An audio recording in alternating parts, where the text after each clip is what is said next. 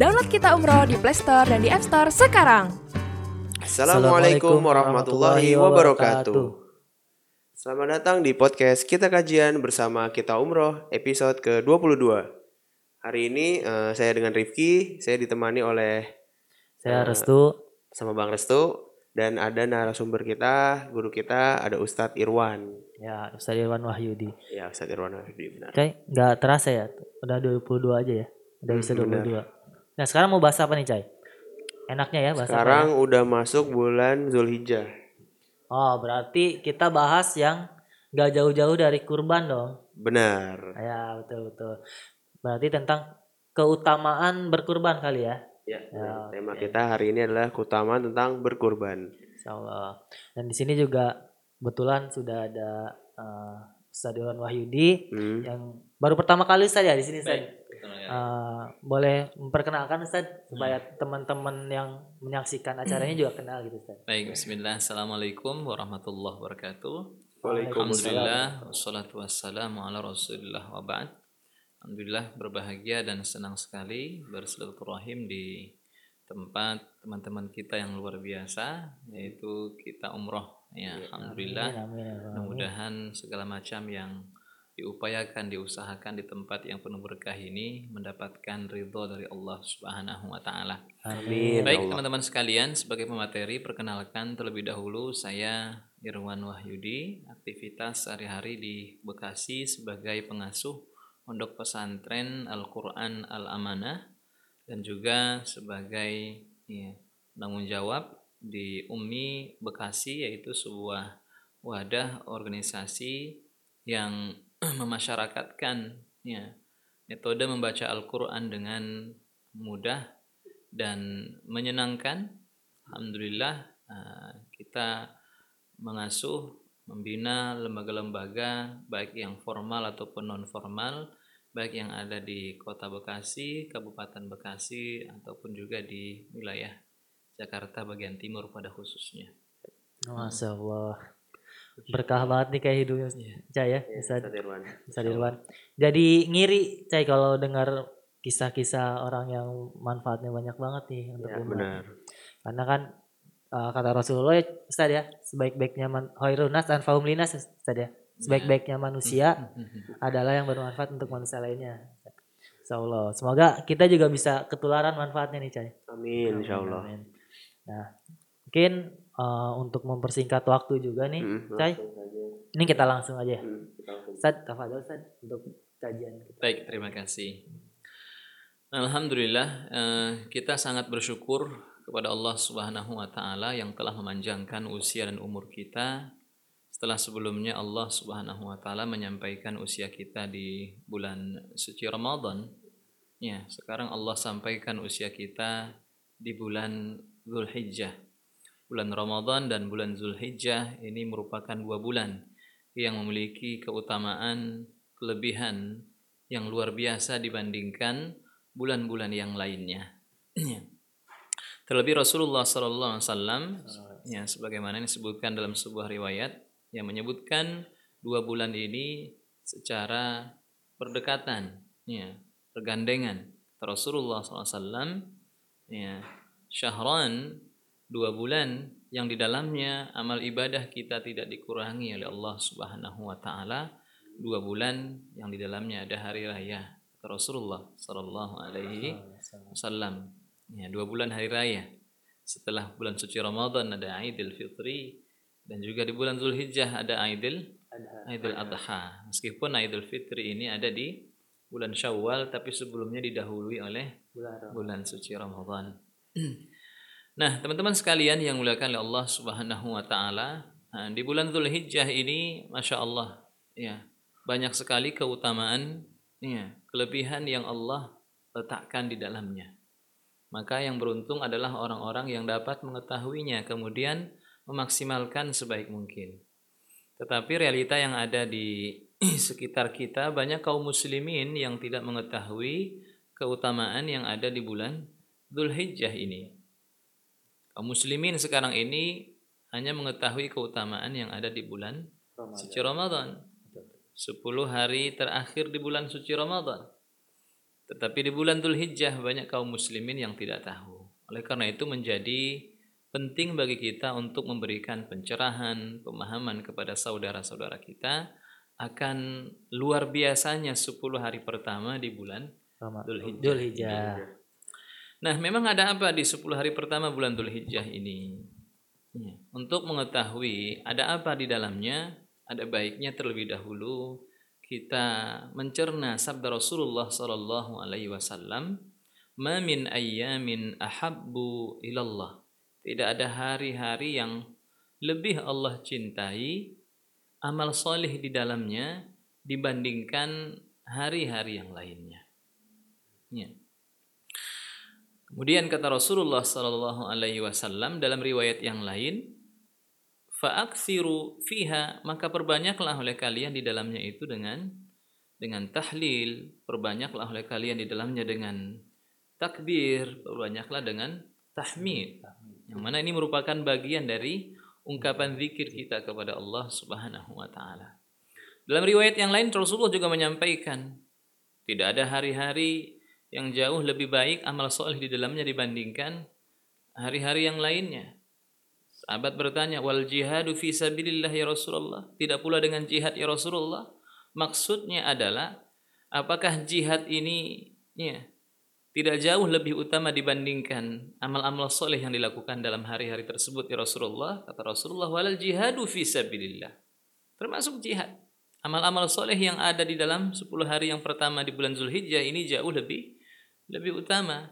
Tapi kemudian kata Rasulullah SAW, illa rajulun kecuali laki-laki yang berjihad di jalan Allah Subhanahu wa taala dengan hartanya, dengan jiwa raganya, falam yarji bidzalika min syai.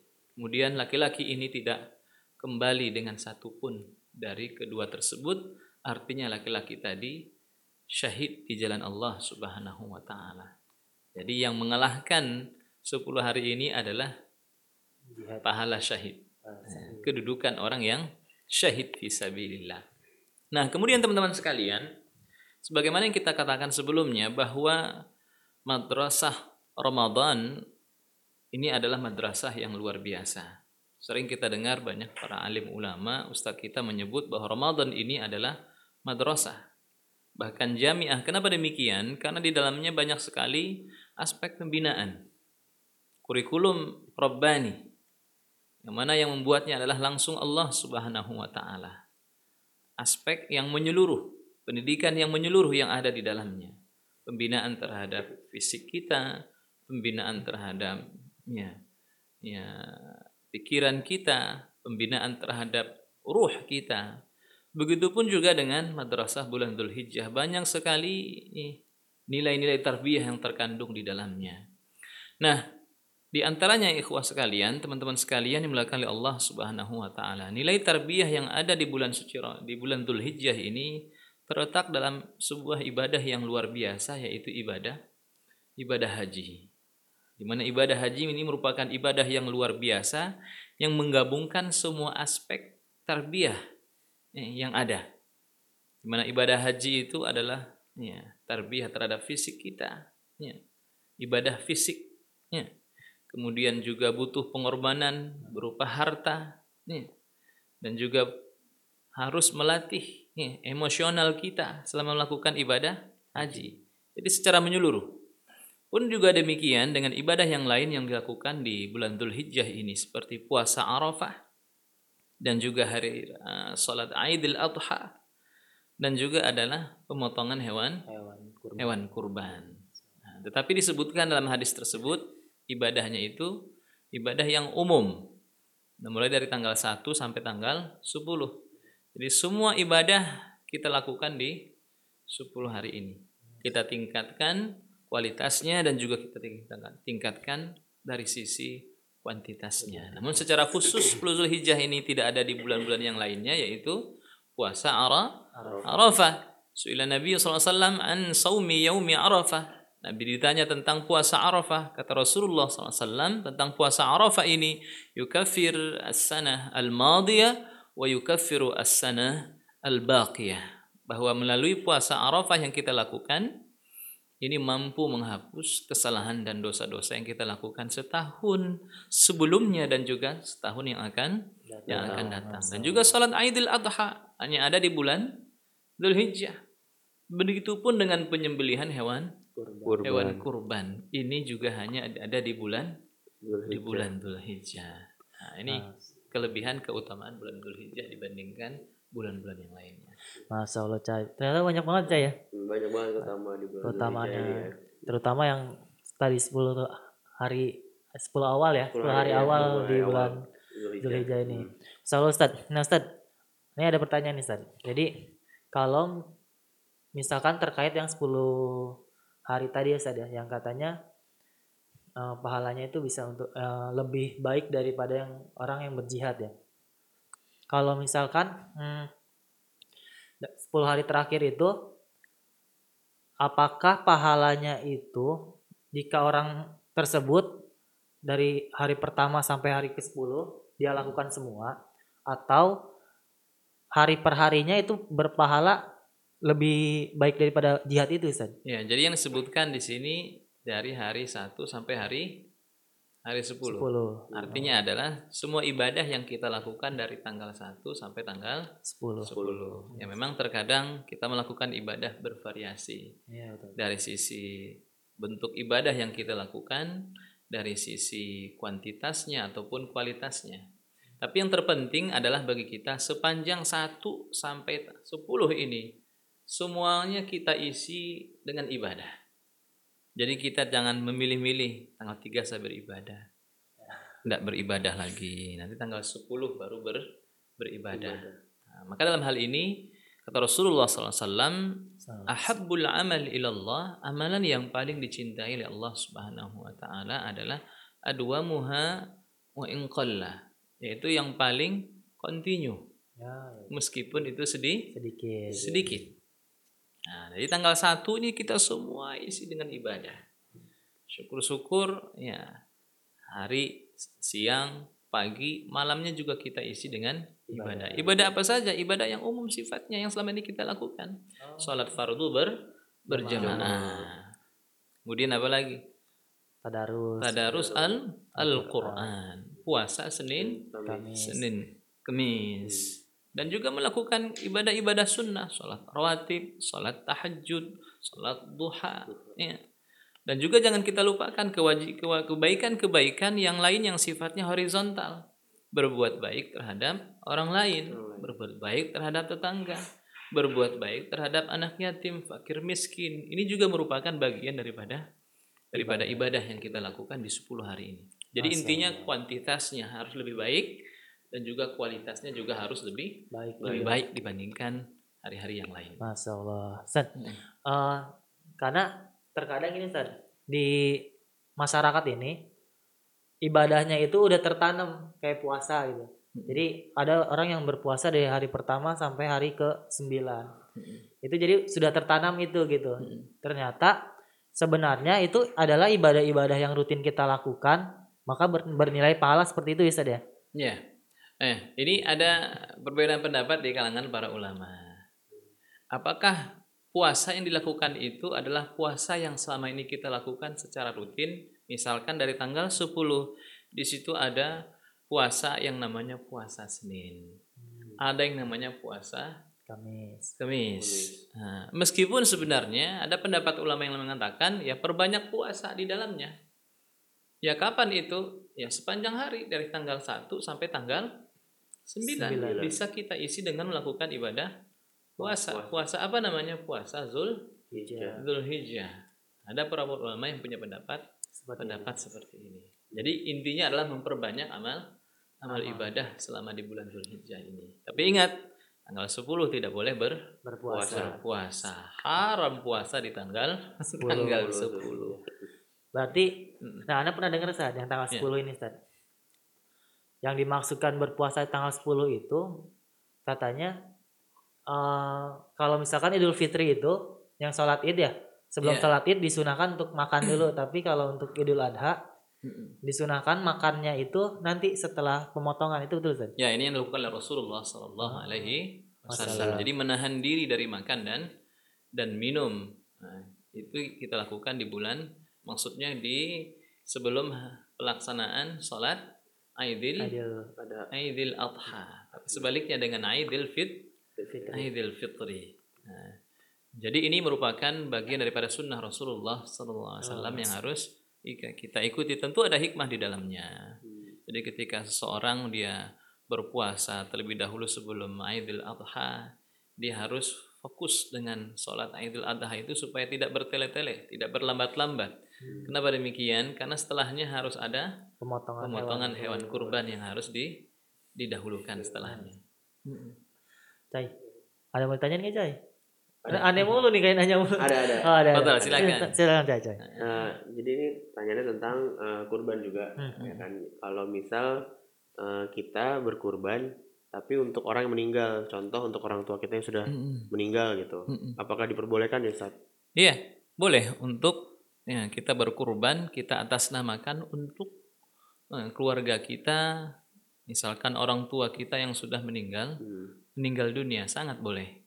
Meskipun ada pendapat dari parangan para dari para ulama kita yang mengatakan orang yang meninggal ini dia diikutkan secara urunan dengan orang-orang yang masih Masih hidup. masih hidup. Contohnya urunan sapi boleh untuk tujuh tujuh orang. Tujuh orang. Enamnya hidup, satunya untuk yang meninggal meninggal dunia. Hmm. Apatah lagi kalau kurban untuk yang meninggal dunia ini adalah kurban wasiat. Artinya adalah uh, sebelum meninggal dunia orang tua kita ini berwasiat nanti kalau bapak meninggal dunia uh, tolong kurbankan ya satu atas nama bapak satu ekor satu ekor kambing. Boleh atau tidak? Boleh. Ini wasiat yang harus di- dilaksanakan Laksanakan. oleh ahli warisnya. Ya, intinya pelaksanaan eh, berkurban atas nama orang yang meninggal dunia itu boleh. Nah, meskipun juga misalkan satu ekor sapi secara urunan semuanya orang meninggal dunia, ada juga pendapat ulama mengatakan boleh, gitu ya. Hmm. Ya seperti itu. Insya Allah. Berarti boleh Cai. Berarti boleh Ya, boleh, boleh. Insya Allah boleh. Insya Allah pahalanya tetap sampai. Amin, insyaallah. Nah Ustaz, tadi kan sempat menyinggung terkait urunan Ustaz. Nah, fenomena di masyarakat ini Ustaz, itu banyak yang patungan untuk sapi.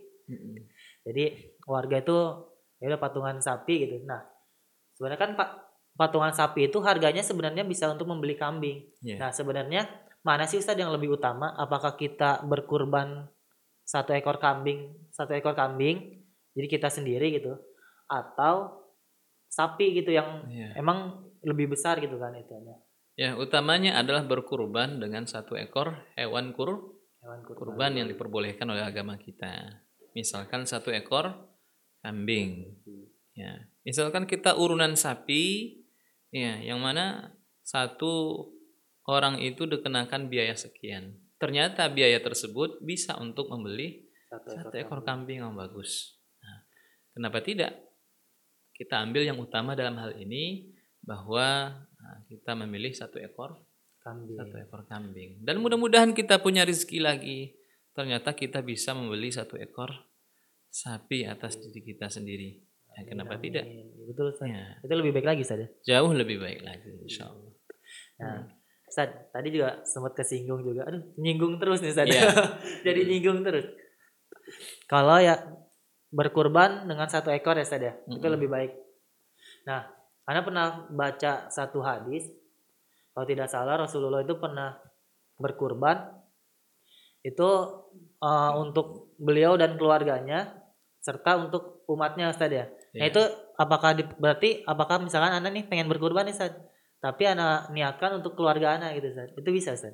Ya, jadi Rasulullah SAW pernah menyembelih seekor hewan kurban. Kalau tidak salah domba ya. Ibn Rasulullah SAW dalam riwayat Aisyah itu disebutkan eh, meminta disiapkan pisau dan diasahkan pisau dari Aisyah. Kemudian Rasulullah menyembelih hewan kurban itu. Kemudian pada saat penyembelihan Rasul mengatakan ya, sesungguhnya ya Rob sesungguhnya hewan ini dari hewan kurban ini dari Muhammad ya kemudian keluarganya Muhammad dan juga umatnya Muhammad. nah Muhammad artinya Rasulullah SAW mengataskan hewan kurban ini untuk atas dirinya mengatasnamakan untuk keluarganya dan juga untuk umat untuk umatnya. Jadi dalam hal ini Rasulullah SAW mengikutkan untuk pahalanya. Meskipun hewan ini miliknya dari biaya yang dikeluarkan olehnya, tapi untuk pahalanya ini Rasulullah SAW beliau menginginkan keluarganya juga mendapatkan pahala dari hewan kurban itu. Begitupun umatnya, khususnya lagi adalah umatnya yang tidak menyembelih hewan kurban pada saat itu. Jadi boleh. Untuk mengucapkan seperti itu. Tapi jangan difahami juga nah, sebagaimana anggapan sebagian orang, ya sudah. Tetangga saya katanya untuk umat Islam katanya, hewan kurbannya. Ya sudah saya nggak perlu, saya nggak perlu kurban, saya sudah dapat pahala hewan kurban. Nah, ini anggapan ini juga tidak tidak Betul, boleh. betul, betul. Ya, Kita tetap kurban. Bahkan dalam sebuah riwayat dikatakan barang siapa yang mampu untuk berkurban Iya, secara ekonomi dia mampu untuk berkurban. Tapi dia bakhil tidak mau berkur berkurban. Kata Rasulullah SAW, dia meninggalkan kurban. Nah, kata Rasulullah SAW, ya tidak boleh mendekati musola, tempat sholat, tempat sholatku dan tempat sholat umatku. Nah, artinya ini menunjukkan pengingkaran dari Rasulullah SAW terhadap orang yang bakhil, orang yang mampu untuk berkurban tapi meninggal meninggalkannya. Bahkan sebagian ulama mengatakan hewan kurban ini menyembelih hewan kurban, berkurban ini hukumnya wajib. Wajib bagi siapa? Wajib bagi orang yang mam- mampu dan dalam kondisi yang tidak safar saat itu. Meskipun pendapat jumhur ulama dalam hal ini adalah hukumnya adalah sun Sunnah. sunnah. Tapi ingat sunnah muat Muakkad. muakkadah. Oh, itu cai berarti serem juga cai ya. Hmm, Kalau misalkan kita mampu ya kurban lah. ya. kurban. Sama ini Ustaz mungkin jangan jangan sampai yang awalnya nih kita berkurban untuk keluarga nih misalkan kita ada lima anggota keluarga yang biasanya kurban lima ekor kambing karena tahu hadis ini Rasulullah menyembelih satu ekor kambing untuk keluarganya yang biasanya setiap tahun lima ekor kambing jadi satu ekor kambing gitu jadi jangan sampai kayak gitu juga Ustaz ya Nah iya. Nah, kalau memang mampu kita semua bisa satu ekor satu ekor bagus. tentu tentu pahalanya juga beda ya Ustaz ya. Lebih banyak lagi. nah Ustaz eh, boleh balik lagi Ustaz ke yang tadi ya Ustaz ya Iya. Tadi kan Ustadz sempat menyinggung yang puasa Arafah nih Ustadz. Mm-mm. Ada beberapa anggapan kalau puasa Arafah ini kan akan menghapus dosa yang lalu dan dosa yang akan datang. Nggak sedikit orang yang ber- yang beranggapan ah eh Ana udah ngelakuin puasa Arafah nih. Ya udahlah, nggak takut buat dosa gitu. Nah, itu Iya. anggapan-anggapan seperti itu gimana, Ustadz? Iya, ini harus diberikan pemahaman kepada masyarakat yang dimaksud dengan menghapus dosa dan kesalahan itu maksudnya seperti apa. Memang disebutkan dalam riwayat tersebut suila Nabi sallallahu alaihi wasallam, Nabi ditanya tentang saumi yaumi Arafah, Nabi mengatakan menghapus dosa-dosa kesalahan setahun yang lalu dan setahun yang akan datang. Nah, yang perlu dipahami di sini adalah menghapus dosa-dosa dan kesalahan yaitu kesalahan-kesalahan ataupun dosa-dosa kecil. Tapi dosa-dosa besar ini tidak bisa dengan cukup melakukan puasa saja. Untuk dosa-dosa besar ini khusus. Caranya itu dengan melakukan taubatan nasuha. Taubat yang sungguh-sungguh dengan penuh kesungguhan kita bertaubat kepada Allah Subhanahu wa taala. Ini tentu berbeda. Nah, ini yang harus kita pahamkan di tengah-tengah masyarakat jangan sampai punya anggapan wah ntar dihapus. Jadi saya enak dong. Iya. buat dosa aja deh. Nah, nggak boleh seperti itu. Memang siapa yang menjamin dosamu dihapus? Apakah kamu yakin puasa kamu diterima oleh Allah Subhanahu wa taala lantas Allah menghapuskan dosa-dosa kamu? Nah. Dan juga bisa jadi ketika kamu melakukan dosa tiba-tiba kamu mati di situ. Nah, ini harus dihindari. Artinya meskipun kita memahami hadis tersebut bahwa ini menghapuskan dosa-dosa dan kesalahan yang lalu, tapi jangan lantas membuat kita seenaknya saja atau meremeh temehkan perbuatan dosa, khususnya dalam hal ini adalah dosa-dosa kecil. Walas ma'al istim istimrar kata para ulama kita tidak ada yang namanya dosa kecil tapi dilakukan terus Benar. menerus. Kenapa demikian? Kecil dilakukan terus menerus lama kelamaan menjadi Besar. menjadi banyak. Dan juga walal kabair ma'al istil istighfar.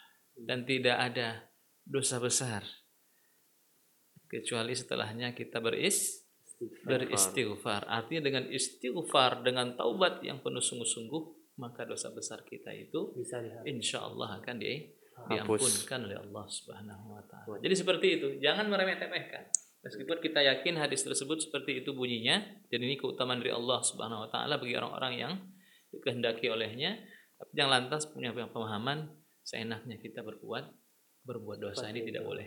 Oh, Cai, Mm-mm. jangan punya planning buat kayak gitu, Cai. Enggak lah, enggak lah. Kirain udah planning nih, oh Iya. mau puasa nih. Tahun ke depan bebas nih mau lakuin dosa. Ya. Eh enggak gitu juga. Oh, enggak gitu Enggak juga gitu ya. juga bener. Nah, Ustaz, untuk keutamaannya sendiri, Ustaz, keutamaan berkurban itu seperti apa sih, Ustaz, sebenarnya, Ustaz? Iya. Keutamaan berkurban ini luar biasa ya. Bahkan dalam sebuah riwayat disebutkan bahwa amal ibadah yang utama yang dilakukan pada hari raya Idul Adha itu adalah berkur Berkorban. berkurban. Apa itu berkurban? Menumpahkan Darah. darah daripada hewan kurban dilakukan. Hmm. Bahkan pahala berkurban dengan cara yang disebutkan tadi itu, meskipun kita bersedekah seharga hewan kurban itu, jauh lebih utama ketika kita melakukan kurban. Meskipun dua kita bersedekah dengan harga yang jauh lebih mahal dibandingkan hewan kurban itu, itu tidak akan mampu mengalahkan ya, kelebihan dan keutamaan daripada hewan Hewan kurban, kurban. Yang kita tumpahkan darahnya yang maksudnya dengan kita sem- sembelih pada hari raya itu. Dan bahkan disebutkan bahwa hewan kurban tersebut nanti akan didatangkan oleh Allah Subhanahu wa taala kepada kita di yaumil akhir nanti iya tanpa Allah kurangi sedikit pun iya kalau kita berkurban sapi kurban sapi ini pun nanti akan kita hadirkan di hadapan kita oleh Allah Subhanahu wa taala. Artinya di sini adalah Allah Subhanahu wa taala ingin menunjukkan bahwa pahalanya ini sangat besar. Allah tidak mengurangi sedikit sedikit pun. Hmm. Ya, meskipun yang harus kita pahami dari hewan kurban itu sendiri adalah yang Allah lihat itu sebenarnya bukan ya hewan kurban itu sendiri. Hmm. Tapi adalah ketakwaan kita kepada Allah Subhanahu wa taala ketulusan kita kepada Allah Subhanahu wa taala khususnya lagi ketika memberikan hewan kurban itu sebagai wasilah untuk mendekatkan diri kita kepada Allah Subhanahu wa taala. Kalau ketakwaan kita lebih, ketakwaan kita bagus, tinggi, maka tentunya kita akan mendekatkan diri kepada Allah dengan hewan kurban yang ter Baik, baik. yang terbaik, yang gemuk. Sahabat-sahabat dulu berkurban dengan hewan-hewan yang Gemuk. hewan yang gemuk. Mm-mm.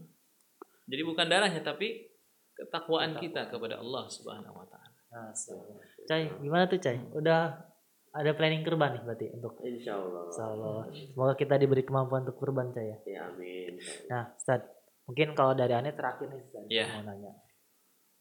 Anda penasaran sebenarnya kan eh, salah satu tata cara untuk eh, melakukan penyembelihan hewan tata cara untuk melakukan eh, penyembelihan hewan kurban itu adalah baga- eh, membuat si hewan itu merasa nyaman ya Ustaz ya. Mm. Kayak misalkan tidak dibuat takut dengan pisaunya. Tapi eh ya sekarang di era-era sekarang ini itu dikenal lagi saat dengan ada salah satu metode namanya metode tuning yang si hewannya itu dipingsankan terlebih dahulu. Nah, menurut Ustadz sendiri kalau kita menggunakan metode-metode seperti itu, itu seperti apa sih Ustadz? Alangkah bagusnya dalam penyembelihan hewan kurban itu kita mengikuti apa yang telah dicontohkan oleh Rasulullah SAW. Tentu apa yang dicontohkan oleh Rasulullah SAW ketika menyembelih hewan kurban itu itu adalah cara yang kita terbaik. yang terbaik yang telah dicontohkan oleh Rasulullah Sallallahu Alaihi Wasallam. Maka disebutkan dalam disebutkan dalam sebuah riwayat itu ketika menyembelih seorang muslimi itu harus dengan sembelihan yang bagus. Ah, maksudnya dengan cara yang yang bagus. Fa'ahsinul kitlah. Maksudnya adalah jangan sampai ketika menyembelih hewan kurban itu adalah ya kita sampai menyakiti Hewan. hewan yang kita sembelih tersebut. Caranya gimana? Yang pertama misalkan dari sisi alat yang kita gunakan untuk menyembelih. Pisaunya misalkan pisau yang asal-asalan, pisau yang tidak tajam, pisau yang ber, berkarat. itu jelas akan menyakiti ya, hewan, kurban tersebut. Hmm. Dan juga sebelum disembelih ternyata kita tidak tahu bagaimana cara kita melakukan pendekatan terhadap hewan Hewan kurban kurban. Serampangan saja akhirnya psikologis hewan kurban ini ter terganggu. terganggu misalkan. Ini gimana menyembelih apanya harus disembelih nih?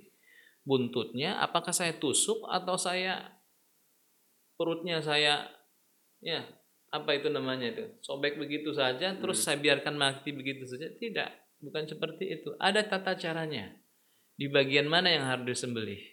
Apa yang kita harus kita lakukan sebelum menyembelih hewan kurban kalau dengan alat yang seperti apa? Ketajamannya seperti apa apa yang harus kita baca dan seterusnya ini harus jadi menyembelih hewan kurban sesuai dengan syariat bagaimana caranya Nah, kaji lagi bagaimana Rasulullah ketika menyembelih hewan Hewan kurban. Kurban. kurban seperti itu Adapun dengan cara tanding seperti itu, wallahu alam. Tapi yang jelas di sambal ini kita harus dahulukan bagaimana Rasulullah SAW menyembelih hewan kurban. Kalau dengan dipingsankan dengan apa, wallahu alam bisawab. Tapi yang jelas ketika hewan kurban disembelih itu, masya Allah ya, bahkan disebutkan ya dia sebenarnya tidak merasakan apa, sakitan. nah, kesakitan yang amat sangat jika penyembelihannya itu sesuai dengan Syariat. syariat. Masya Allah, betul-betul sekali. Ustaz. Anda juga pernah baca artikelnya Iya. sih, Ustaz.